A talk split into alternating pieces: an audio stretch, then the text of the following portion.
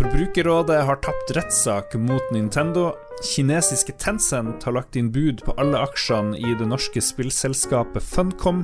Men først, Norge er i ferd med å bli en sinke i internasjonal e-sport. Det sier treneren for Fanatic Rising, Nicolas Nicodepico Korsgaard. Hvis du går og ser i nesten uansett e-sport, og ser på nasjonaliteten fra Norden, så er Norge kanskje 1-3 i forhold til Danmark og Sverige. Og det er jo for at det har vært e-sportslag som har holdt seg i mange mange år. altså Ninen sin Pyjamas og Fnatic og sånn, som er 15-20 år gammel. Som folk har tilhørighet til, og de har idoler å følge. De har, eh, de har en Magnus Carlsen å se opp til. Korsgaard var tidligere hovedtrener for Fanatics League of Legends-lag, og i dag trener for akademilaget i samme organisasjon. Han sier at det må til en holdningsendring i Norge hvis vi ikke skal bli helt akterutseilt internasjonalt.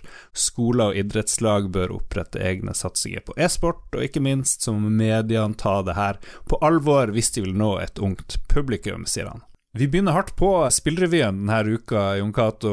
Rett på sak. Ja, vi gjør det. Jeg var og snakka med han eh, Nico de Pico da han var i Harstad, og det var det dere hørte nå.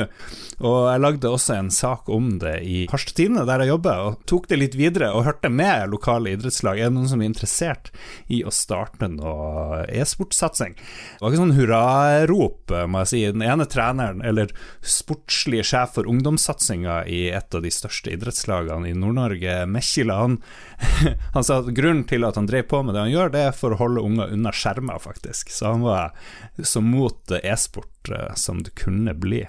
Jeg tenker vi må gi barna dataspill før fotballen tar de, og idrettsskadene tar de. Nei, vi ser jo nå at det er flere f.eks. videregående skoler, eh, folkehøyskoler eh, osv. som tilbyr e-sportlinje. Altså som, som, driver og snuser på det, men det føles litt som at det er sånn der uh, eh, halvhjerta, noe av det. Altså at ok, du kan få lov til dette fordi det er litt populært. At det ikke er noe sånn herre Man satser ikke all in på e-sport. Nå skal vi lage Norges store e-sportlinje og gro frem stjerner. Og så er vi jo i et land der skisport og fysisk sport og fysiske råvarer, og vi er jo et veldig primitivt land i forhold til våre kultureksport og råvareeksport og hva vi er opptatt av.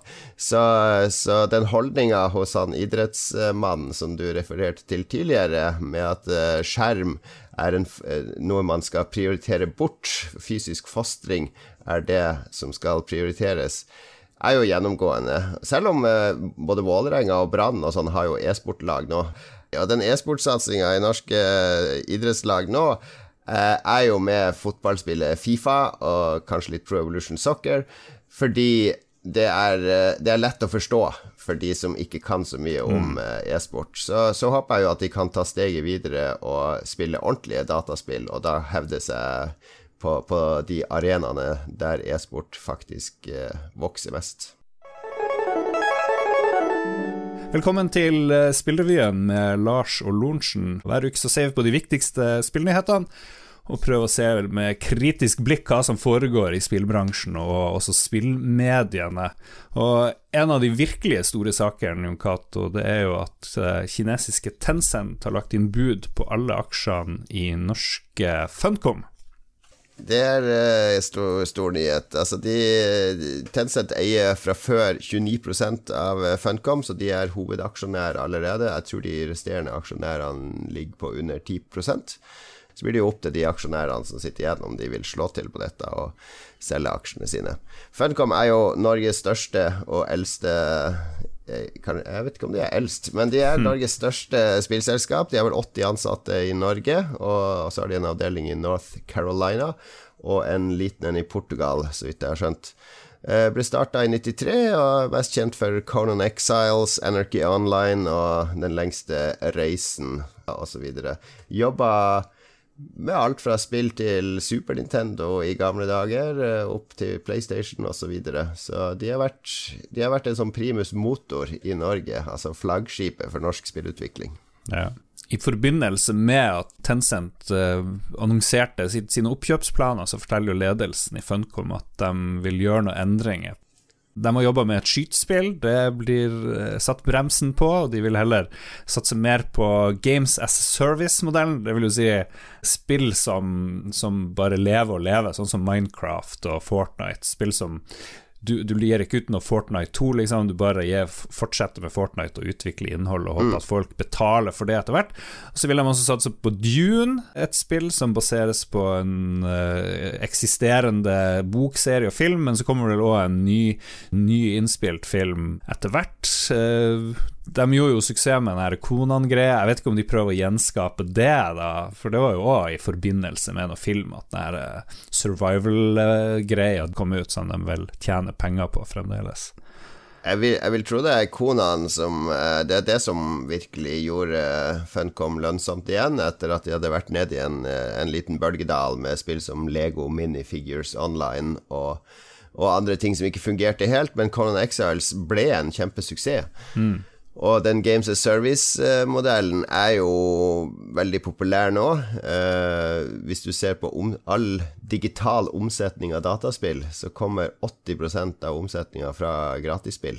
Altså fra små ting du kjøper i de spillene, cosmetics eller sesongpass eller andre ting.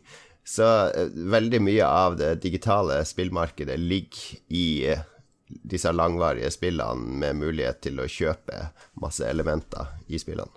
Ja. På Twitter så fikk du litt kritikk fordi du uttalte deg om oppkjøpet og spådde litt. Eh, du sa jo ikke at det kom til å skje noe bestemt med, Funcom hvis de blir kjøpt opp, men du sa at eh, historisk sett så, så har, det, har, det, blitt store endringer i selskaper i Norge som har blitt kjøpt opp. Ja, det er jo ikke så mange selskaper i Norge som har blitt kjøpt opp, men uh, det, det, største, og det var enda større beløp det er snakk om der enn nå med Funcom, det var jo Playfish i, i 2009.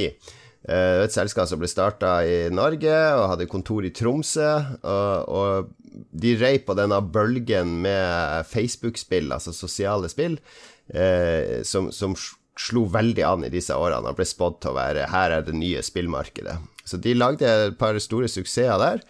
Eh, og på bare to år så ble de kjøpt opp av EA. Og det, det, var vel snakk om eh, over to milliarder kroner som, som, det, som, EA betalte for det selskapet. Vi, jeg tok en kjapp prat med han eh, Kim Daniel Arthur, som jobba i en lederstilling i Playfish i denne perioden, om eh, hvordan det var å bli kjøpt opp, og hva som skjedde med Playfish etterpå. Ja, Det er jo en ganske annen historie enn Funcom sin. Vi var jo et helt nyoppstarta selskap og to år gammelt når vi ble kjøpt opp. Vi hadde jobba tidligere med mobilspill og hadde et selskap som vi børsnoterte. Og starta akkurat i denne sosiale medietida når Facebook eh, var blitt så stor på apps og spill.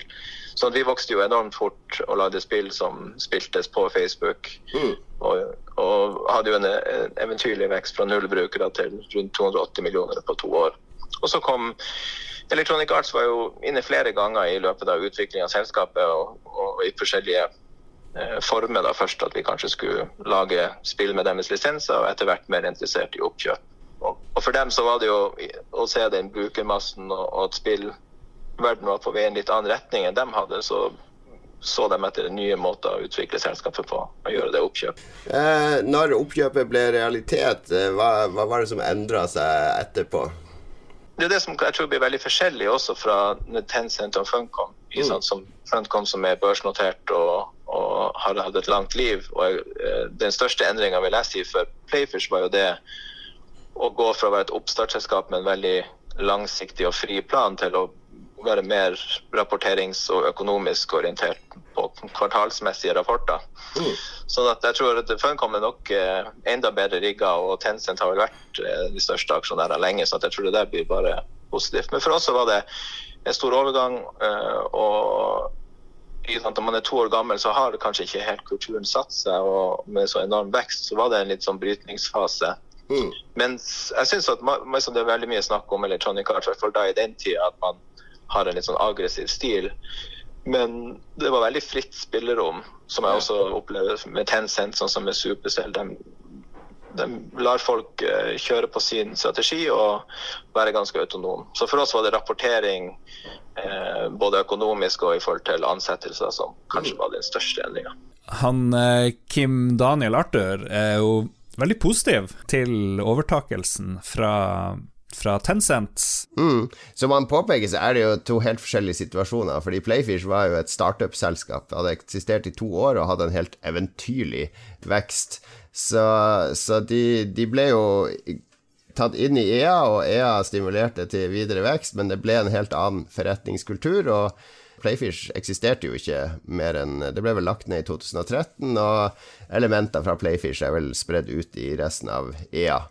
Ja. Kan det samme skje her? Det er jo det som er spørsmålet. Ja, for Tencent har jo en veldig god historie med de de har kjøpt opp.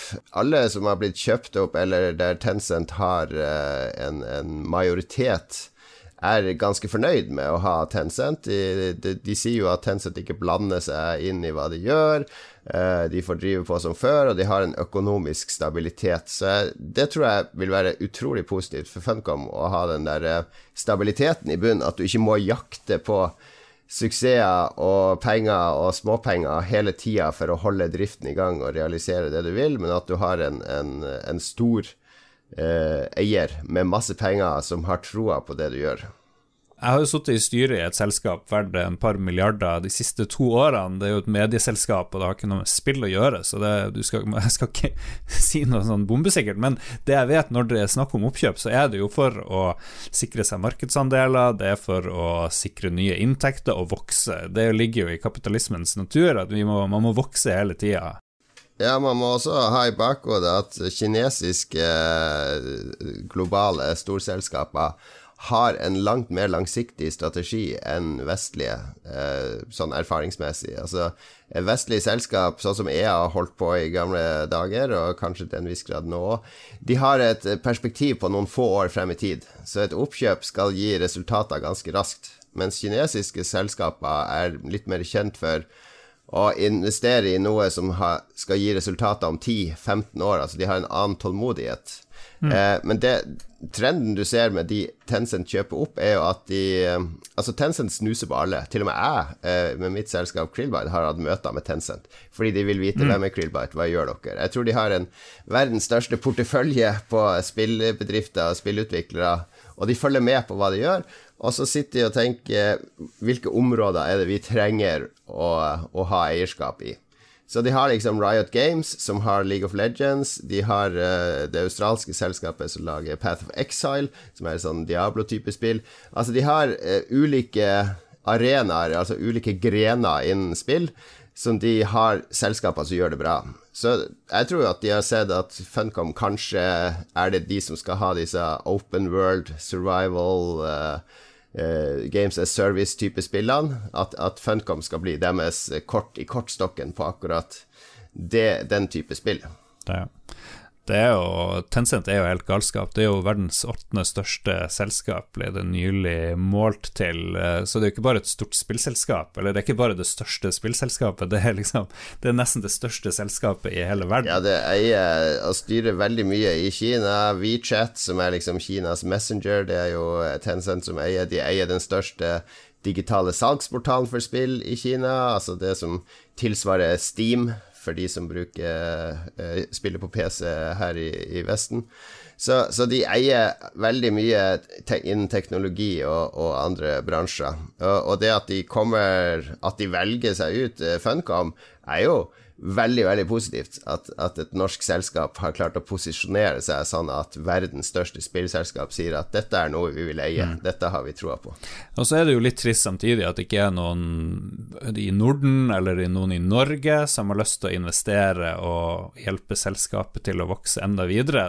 Hvorfor er det ikke Petter Stordalen, eller hvorfor er det ikke noen store norske selskaper? Hvorfor er det ikke dem som kjøper opp norske spillutviklere? Hvorfor er det alltid utlandet? Det virker som om det er veldig lite interesse i Norge for denne bransjen. Det er litt som uh, med han, uh, han idrettstreneren du snakka med, og e-sport. Det uh, virker som det er litt samme holdning blant norske investorer òg. Uten at jeg skal nevne navn, så vet jeg om den, en venn av meg i et annet selskap som pitcha til en stor og ganske kjent norsk investor. Om å investere i spillselskapet hans, og fikk til svar at nevøen til denne finansmannen uh, hadde vært hekta på World of Warcraft, så oh, dataspill skulle han aldri ha noe med å gjøre. At når du møter en sånn rar holdning, så, så blir du litt oppgitt. Norske investorer er veldig glad i laks, er veldig glad i olje og den type teknologi. Veldig glad i eiendom. Norske investorer satser veldig trygt og, og, godt, virker det som. Mens i Sverige er det en helt annen holdning, og du har en helt annen sånn derre eh, Du har ikke bare en masse gigasvære investorer som satser på stor og tung industri, du har masse små tech-investorer som gjerne har en portefølje med både spillselskaper, appselskaper osv. som de hjelper og stimulerer og, og får til å vokse. Og Det er jo sånn du får fram suksesser som Spotify og en masse annet som Sverige har klart å, å få til. Så kanskje noen skulle sende norske investorer på kurs. God idé. Til slutt, eh, på sosiale medier så var det mange som stilte kritiske spørsmål til Funcom om hvordan eh, det vil stå an med ytringsfrihet i spillene deres eh, hvis de nå blir kjøpt opp av eh, et kinesisk selskap. Jeg vet ikke, Kan vi se noen paralleller med andre selskap som Tencent har kjøpt opp, og ytringsfrihet? Store, det store eksempelet er jo Blizzard, eh, som De drev og, og, og slo ned på noen som uttrykte støtte til Hongkong, men ellers så skal ikke jeg huske at det har vært så mye snakk om Tencent og deres selskap og ytringsfrihet, sånn som jeg husker det. Vi har vel ikke sett så mye innblanding eller sensur, er vel det folk eh, er, er redde for, eh, egentlig. Eh, det er klart Hvis du skal lansere et spill i Kina, det har vi snakka om før, så er det visse kriterier. De liker ikke blod, skjeletter osv. Men eh, Tencent opererer jo globalt, så det er ikke bare Kina som er markedet deres. De skal ha kunder over hele verden. Og uh, ifølge Riot og andre som har jobba med de lenge, så er de ganske hands off.